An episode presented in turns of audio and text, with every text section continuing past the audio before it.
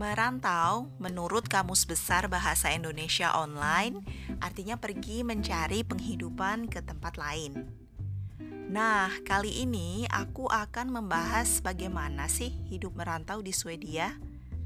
Mulai dari biaya hidup, infrastruktur, dan fasilitas kesehatan, dan cuti setelah melahirkan.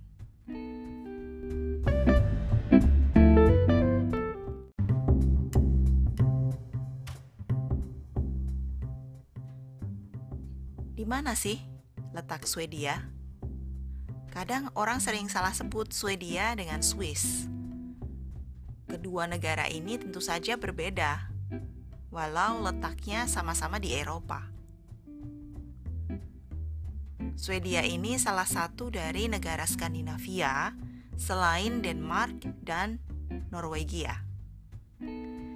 Nah, letak Swedia sendiri ada di Eropa Utara. Mahal nggak sih hidup di Swedia? Nah, kalau dibanding dengan negara selain Eropa Utara, tentu saja hitungannya mahal. Bayangkan, satu Swedish krona itu sekitar 1635 sampai 1690 rupiah. Wow, beli satu mangkok bakso bisa sampai sekitar 120 sampai 150 ribu rupiah. Wah, mahal ya. Eh, mana ada sih bakso di Swedia? Ternyata ada loh, namanya Swedish Meatball. Ya, tentu saja beda dengan bakso kuah di Indonesia. Silahkan Google aja ya, Swedish Meatball atau bagi kalian yang tinggal di Jakarta bisa coba makan Swedish meatball di IKEA. Semoga ada ya, karena aku belum belum pernah ke IKEA di Indonesia.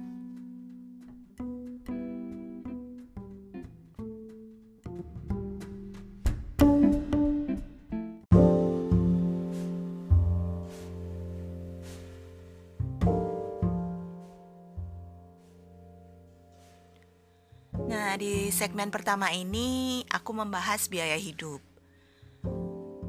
Biaya hidup ini berdasarkan kota tempat aku tinggal ya, nah, di Linköping. Untuk kota lain mungkin agak uh, berbeda, bisa lebih mahal, bisa lebih murah. Nah, untuk biaya hidup ini aku bagi menjadi dua. Untuk mahasiswa dan pekerja. Untuk yang pertama itu di uh, biaya hidup untuk mahasiswa. Nah, di tahun 2014 sampai 2016 saat aku masih kuliah, aku mendapat uang beasiswa sebesar 9.000 kronor per bulan. Uang beasiswa ini tidak dipotong pajak. Jadi aku terima bersih 9.000 kronor. Selain itu, aku juga kerja part-time mengajar yoga di sebuah gym dengan pemasukan sekitar 800 kronor per bulan. Selain mengajar yoga, aku juga kerja part-time menjadi vikarie atau staf pengganti kalau ada guru yang sakit di TK atau di SD. Nah, ini bisa dapat sekitar ya 800 sampai 1000 kronor per bulan. Ingat, ini gajinya sebelum pajak. Nah, pajak penghasilan di Swedia sendiri sekitar 30%.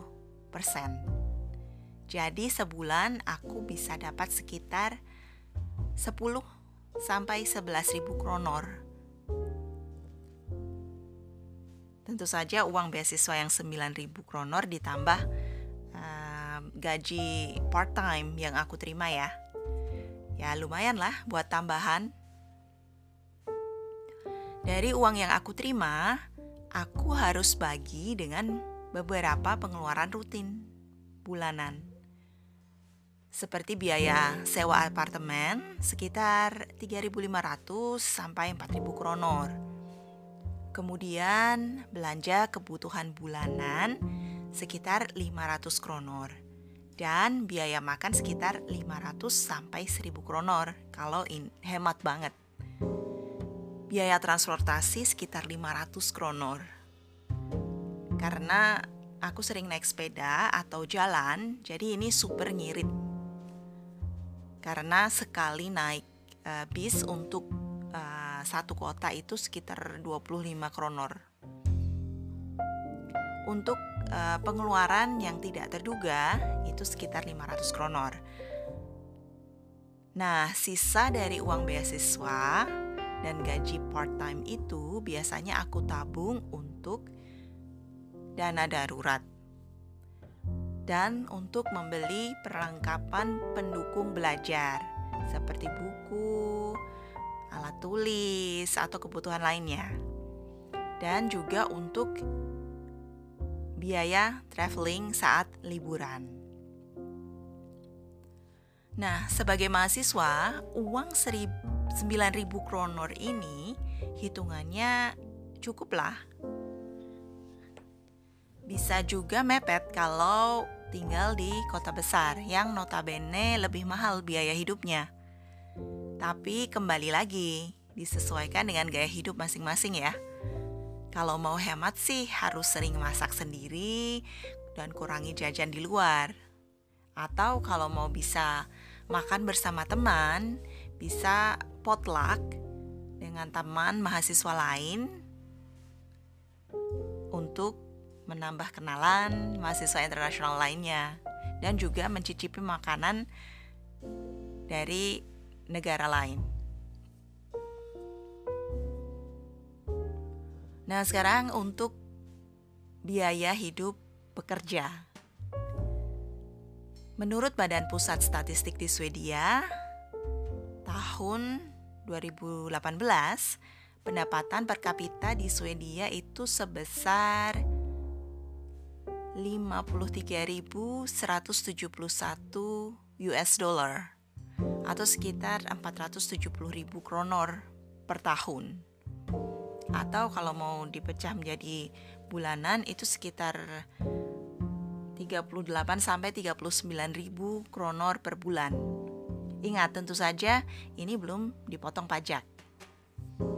Pengeluaran bisa dibagi menjadi beberapa pos seperti saat uh, kehidupan di mahasiswa ya. Untuk sewa apartemen bisa bervariasi harganya. Minimal sih uh, sekitar 5000 kronor per bulan. Itu untuk apartemen ukuran 40 sampai 50 meter persegi. Tentu saja semakin besar apartemen, semakin mahal biaya sewanya. Kemudian ada biaya listrik sekitar 100 sampai 300 kronor. Untuk biaya internet sekitar 300 sampai 400 kronor dan asuransi apartemen sekitar 400 sampai 500 kronor. Ditambah kebutuhan bulanan sekitar 1000 kronor. Oh iya, biaya makan itu tergantung pri pribadi masing-masing ya kalau mau irit banget, pengeluarannya bisa sekitar 2000 sampai 3000 kronor per bulan. Kalau transportasi sih karena aku tidak menghabiskan banyak biaya, jadi ya tidak ada biaya transportasi karena untuk kesehariannya aku naik sepeda atau jalan kaki. Nah, kenapa pengeluaran bulanan saat kerja semakin tinggi? Karena otomatis kebutuhan saat bekerja meningkat. Seperti kita sering hangout sama teman kerja atau kisah di sini biasanya after work ya. Kalau setiap hari Jumat atau ah, hari yang yang dalam satu minggu itu. Kemudian ada beberapa pos biaya yang tidak ada saat jadi mahasiswa karena saat mahasiswa uh, biaya apartemen itu sudah mencakup semua. Jadi saat mahasiswa itu tidak ada biaya listrik, biaya air, uh, asuransi untuk apartemen itu tidak ada. Nah, dari biaya yang aku sampaikan sampaikan tadi itu kembali lagi ke individu masing-masing ya. Setiap individu bisa berbeda biaya hidupnya. Jadi tergantung mau hidup sederhana atau hidup foya-foya.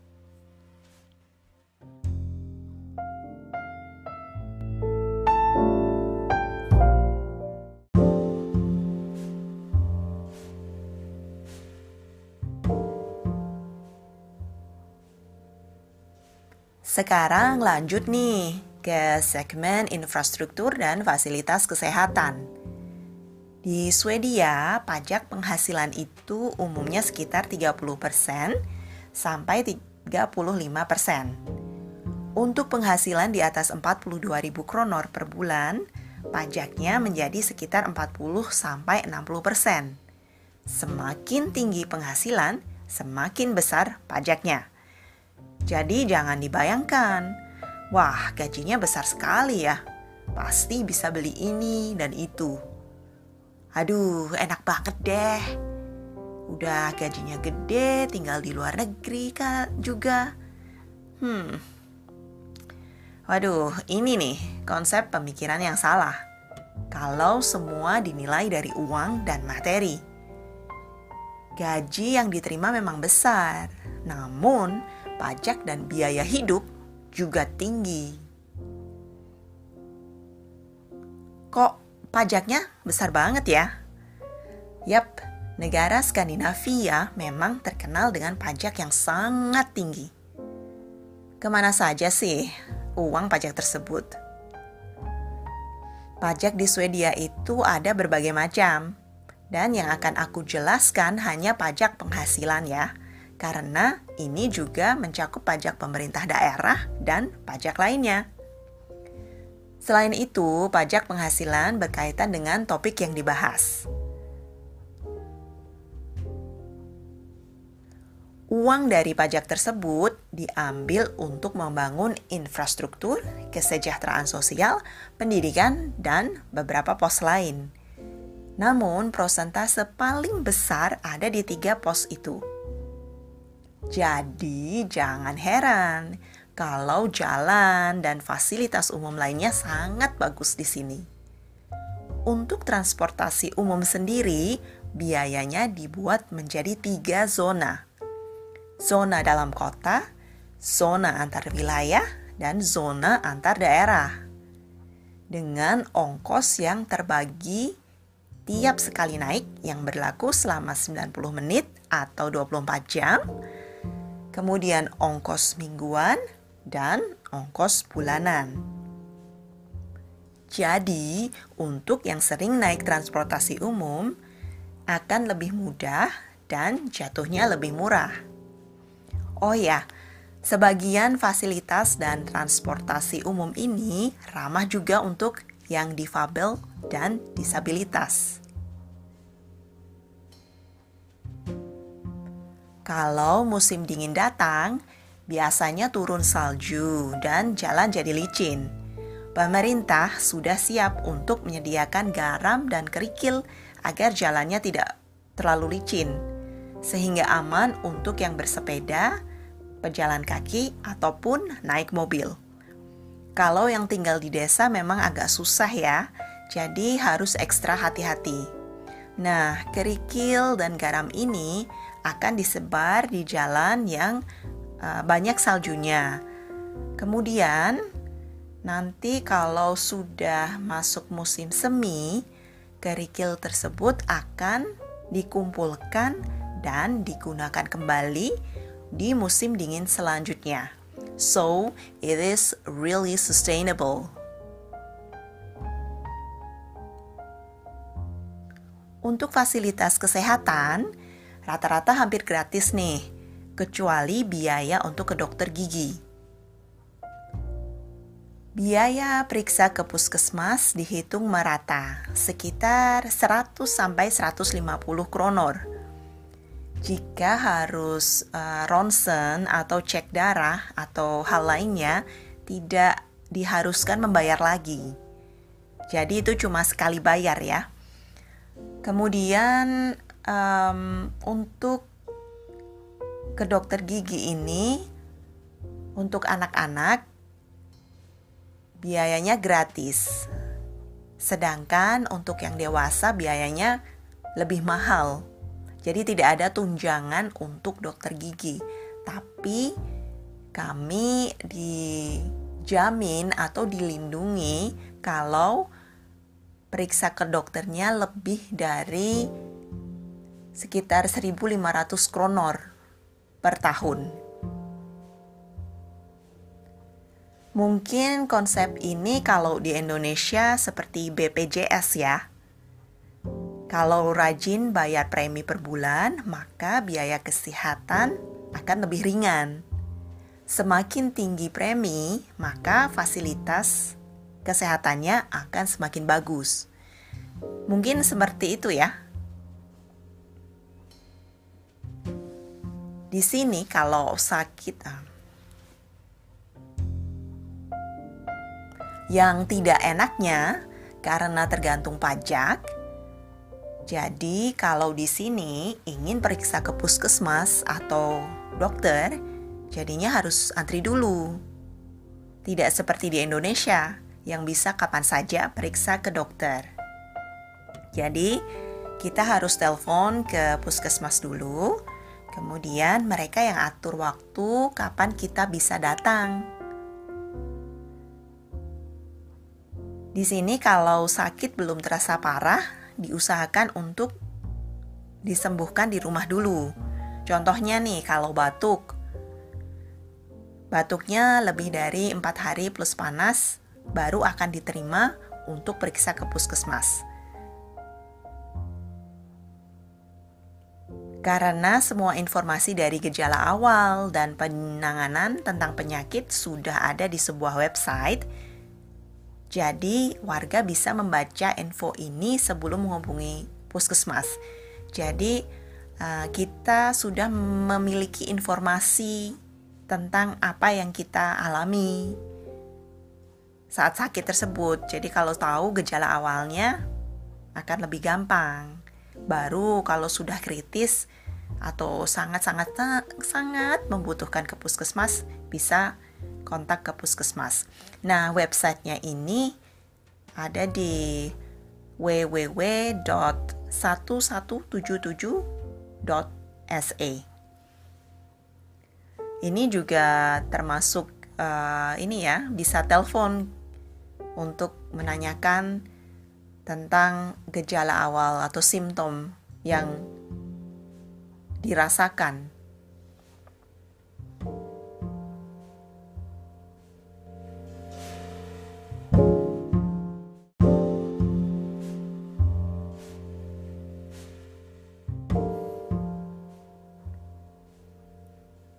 Sedangkan untuk pendidikan, sebagian besar gratis, kecuali untuk pendidikan anak usia dini dan free teach.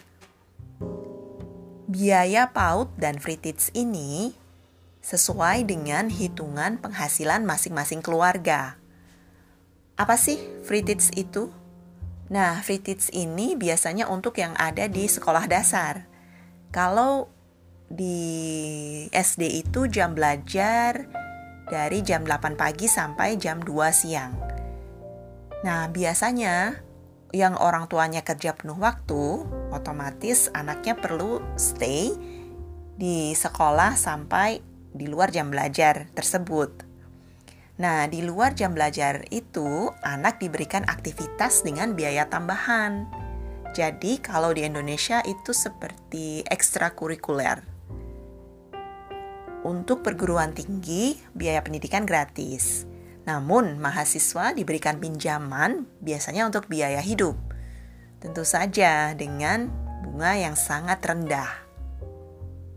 Pinjaman ini akan dikembalikan saat mahasiswa tersebut sudah bekerja. untuk pendidikan anak usia dini, orang tua harus aktif untuk mendaftarkan anaknya agar dapat tempat. Itu pun kalau ingin anaknya masuk PAUD di usia satu tahun. Di sini usia untuk wajib belajar dimulai dari umur 6 tahun. Jadi itu kebijakan berlaku baru-baru saja. Sebelumnya mulai tujuh tahun ya.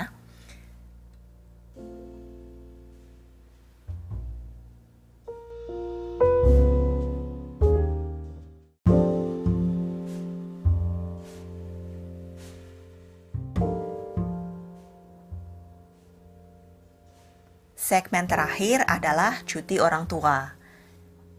Swedia sendiri merupakan salah satu negara yang memberikan cuti orang tua yang paling generous di antara negara Eropa lainnya. Cuti orang tua ini berbayar dan diberikan dalam bentuk tunjangan selama 480 hari per anak untuk ayah dan ibu. Besarnya tunjangan tersebut diambil dari 80% gaji. Tentu tentunya sesuai dengan jumlah hari yang diambil per bulannya. Pembagian lama cuti sesuai dengan kesepakatan masing-masing keluarga. Tapi pemerintah mengusahakan agar cutinya dapat dibagi secara adil antara ayah dan ibu. Selain itu, orang tua bisa cuti selama tujuh tahun, namun tanpa tunjangan. Dalam cuti selama 480 hari ini, masing-masing orang tua diberi jatah 195 hari yang harus diambil. Yang 45 hari disimpan sampai anak berusia 4 tahun. Jadi kalau tidak diambil dan masih ada sisa hari, maka cuti hari atau hari tersebut akan hangus.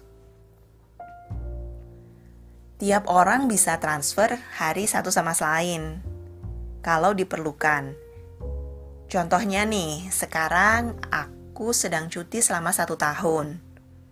Untuk tunjangan, aku memilih dibayar dengan tiga hari kerja per minggunya. Jadi tunjangan yang didapat lebih sedikit, namun hari yang tersimpan lebih banyak. Saat aku mulai kerja nanti, suamiku akan ambil cuti selama enam bulan. Setelah itu, anakku akan masuk ke PAUD dan kami mulai bekerja. Saat aku dan suamiku sudah mulai bekerja, aku memilih untuk kerja sebanyak 75% dalam sebulan. Dan sisanya yang 25% tersebut aku bisa ambil tunjangan dari cuti orang tua tadi. Nah, jadi tergantung masing-masing keluarga bagaimana mengatur hari cuti, keuangan, dan waktu untuk anak-anaknya. Karena jumlah cuti orang tua yang adil ini, tanggung jawab pengasuh anak tidak hanya milik ibu saja, namun ayah juga aktif berperan serta. Di Swedia sendiri, melihat laki-laki mengasuh anak mendorong kereta bayi atau menggendongnya, kemudian menyuapi anak, dan melihat mereka jalan-jalan di tempat yang umum, itu adalah hal yang tidak aneh dan hal yang umum. Karena memang peran aktif kedua orang tua memang sangat penting untuk pertumbuhan keluarga. Selama mengandung pun atau selama hamil, biaya kontrol dan USG itu gratis. Apalagi saat melahirkan. Hanya bayar sekitar 100 kronor saja untuk ibu yang melahirkan, walau harus menginap beberapa hari. Sedangkan untuk pasangan yang menemani dikenakan biaya sendiri. Fasilitas ini khusus disediakan untuk mempermudah kelahiran. Bahkan kontrol setelah melahirkan dan biaya pasang alat kontrasepsi pun gratis. Nah, tentu saja kalau kalian masih bertanya, dari mana uangnya? Ya, dari pajak.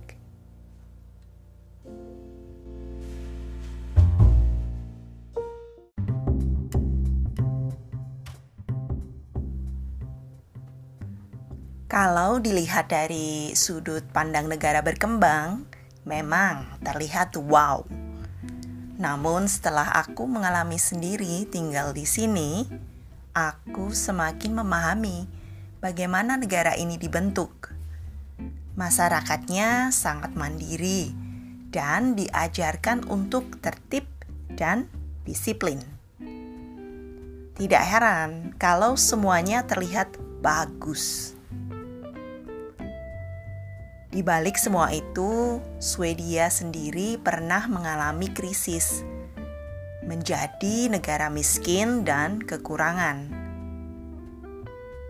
Karena ingin berubah itulah, maka masyarakat dan pemerintah berusaha untuk membenahi diri hingga terbentuk dan terbangunlah Swedia seperti sekarang ini. Tentu saja dengan kerja keras dan kerjasama antara masyarakat dan pemerintahnya. Dan kembali lagi, hidup merantau itu tidaklah mudah.